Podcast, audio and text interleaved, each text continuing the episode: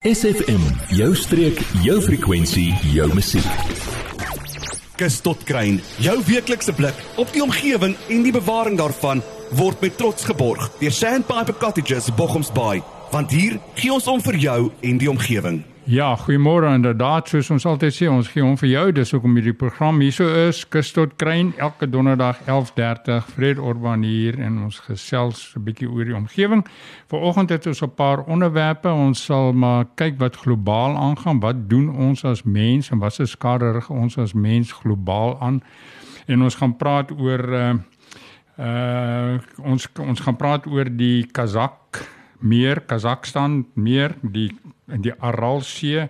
Ons gaan praat oor plastiek navorsing en besoedeling van die oseaan met plastiek en ook onderwater klankbesoedeling.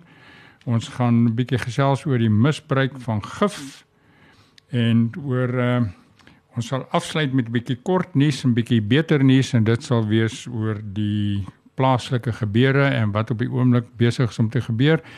Uh, ek het vanmôre gehoor daai skilpaadjie wat so uh, die wêreld omreis. Ek dink sy naam is Rob of Bob of Bob Switch ja, het hy uh, hy is nou 'n bietjie weggeraak. So ons uh, ons hoop maar net hy kom weer uit anders is hy of gevang of sy satelliettrekker afgeskakel. Ons gaan nou eers bietjie musiek luister en dan gaan ons gesels oor die uh, uh, Aralsee.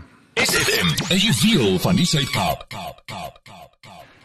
Goed, ons is terug na 'n bietjie vrolike musiek. Die musiek is bietjie vroliker as ons nuus vanmôre. Ons praat oor die Aralsee. Nou die Aralsee is niemand weet wie weet, is nie baie mense sal nie weet nie. Ek het ook nie geweet totdat ek bietjie opgelees het daaroor nie. Dis die vierde grootste binnelandse meer of see. Dis eintlik 'n see in die wêreld. Hy was die vierde grootste. Hy is nou baie laer af. Hy's nou 20ste of 30ste. Nou wat het dit veroorsaak? Hoekom het hy kleiner geword? Rusland uh, dis daar by Kazakstan so te, te loop daar bo Rusland se wêreld. Uh die Russe het besluit uh, om twee riviere wat die hoof voedingsare was van die Aralsee uh se loope te verander sodat hulle die riviere in die woestyn uh wat daar naby is kan loop en daar het die Russe besluit hulle gaan nou katoen groei want uh, katoen was blykbaar 'n groot inkomstebron gewees. Nou ja, kom ons kyk wat is die resultate daarvan. Die resultaat daarvan na 30 jaar het die see nou gekrimp van omtrent 29000 vierkante myl wat baie groot stuk uh, aarde is of stuk water is sal ek maar sê na minder as helfte daarvan wat eers mere en see was is nou net sand en woestyn. Die gevolg is dat uh een van die gevolge is dat al die bote, daar was visvang was 'n baie groot uh bron van inkomste vir plaaslike mense. Honderde mense het op die bote gewerk. Nou staan daai bote op droë sand en hulle hulle kan niks doen nie en al daai uh industrie is half vernietig. En wat in die proses gebeur het natuurlik is die katoen het ook nie geslaag nie, maar nou probeer hulle die meer weer terugbring na wat hy was maar dit is feitelik onmoontlik om te doen. Sentraal-Asië is nou weer 'n uh, stofwoestyn waar voorheen waar die water was is uh, is daar nou stof en sand. Nou ja, kan ons dit herstel? Nee. Dit is die mense invloed wat ons het op uh, op riviere, damme, mere en so aan. Net hierna gaan ons 'n bietjie gesels oor die plastiekbesoedeling en onderwater besoedeling van die oseaan. Jy, ja jy. Nou dat ons jou aandag het, vertel jou vriende van SFM en ondersteun plaaslik. SFM maak elke dag 'n goed gevoel dag. SFM. Môre Fred Orban hier, kus tot kruin ons omgewingsprogram en ons is ver oggend 'n bietjie verdoemend op 'n globale uh, vlak. Maar ons gaan nou praat oor plastiekbesoedeling en onderwaterbesoedeling van die oseaan. Nou ja, ons is almal siek en sat om te hoor wat se skade plastiek aanrig. Die realiteit is egter plastiek gaan nie verdwyn nie. Hulle gaan dis die maklikste vorm van verpakking en dis die goedkoopste vorm van verpakking en ongelukkig word dit so gemaak dat dit baie min vernietig kan word. Roes kan dit nie aanraak en so aan en so voort. Dit vat baie stukke plastiek 1000 jaar om op te breek, maar in die proses is daar klein stukkies plastiek natuurlik wat afbly, wat afbreek. Die, en dis een van die grootste bedreigings ekologies vir ons waterbronne. Nou alles wat ons in die strate gooi of laat val of weggooi of 'n plastiek sak of 'n stompie of so aan uh in die stede vergader dit in die stormwaterpype en dit voel spoel af in die riviere en die riviere gaan uiteindelik na die laagste punt en die laagste punt is die oseaan. Ons moet asseblief kyk na ons plastiek. Ons moet kyk wat ons weggooi en wat ons in houers kan plaas om miskien gehersirkuleer te word of afgebreek te kan word in iets anderster. So ruk terug was hy die noodles gewees.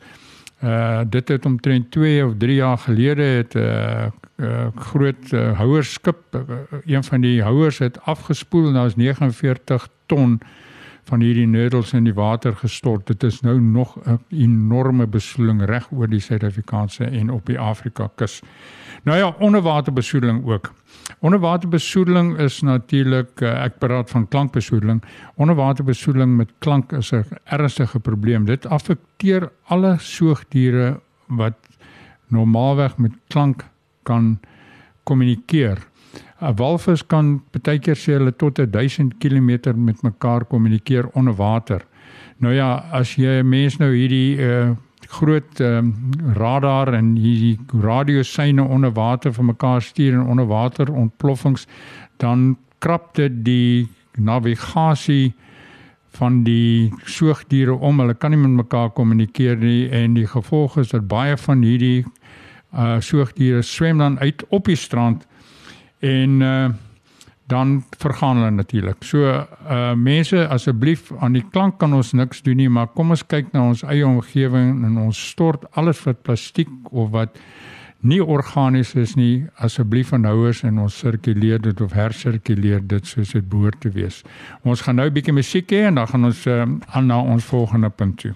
Word deel van ons Facebookblad vandag nog facebook.com vorentoe skuinstreepie sfm streek. Een van die ander verdoemende dinge wat die mens doen aan die natuur is gif. En ons praat vanoggend, kom ons praat net oor rottegif. Rottegif is uh een van die slegste gifwe wat 'n mens kan gooi. Kom ons kyk net wat gebeur as 'n mens uh, rotte vergiftig. En as 'n mens dit in 'n stad doen, is die volgende ripple effek wat gebeur want uh die rot kry die gif in. Sy liggaam word vergiftig dan uh wat kry wat eet rotte as hulle dood is of as hulle lewendig katte eet rotte. So jou eie huiskat kan dalk ook ingeneem word of 'n hond.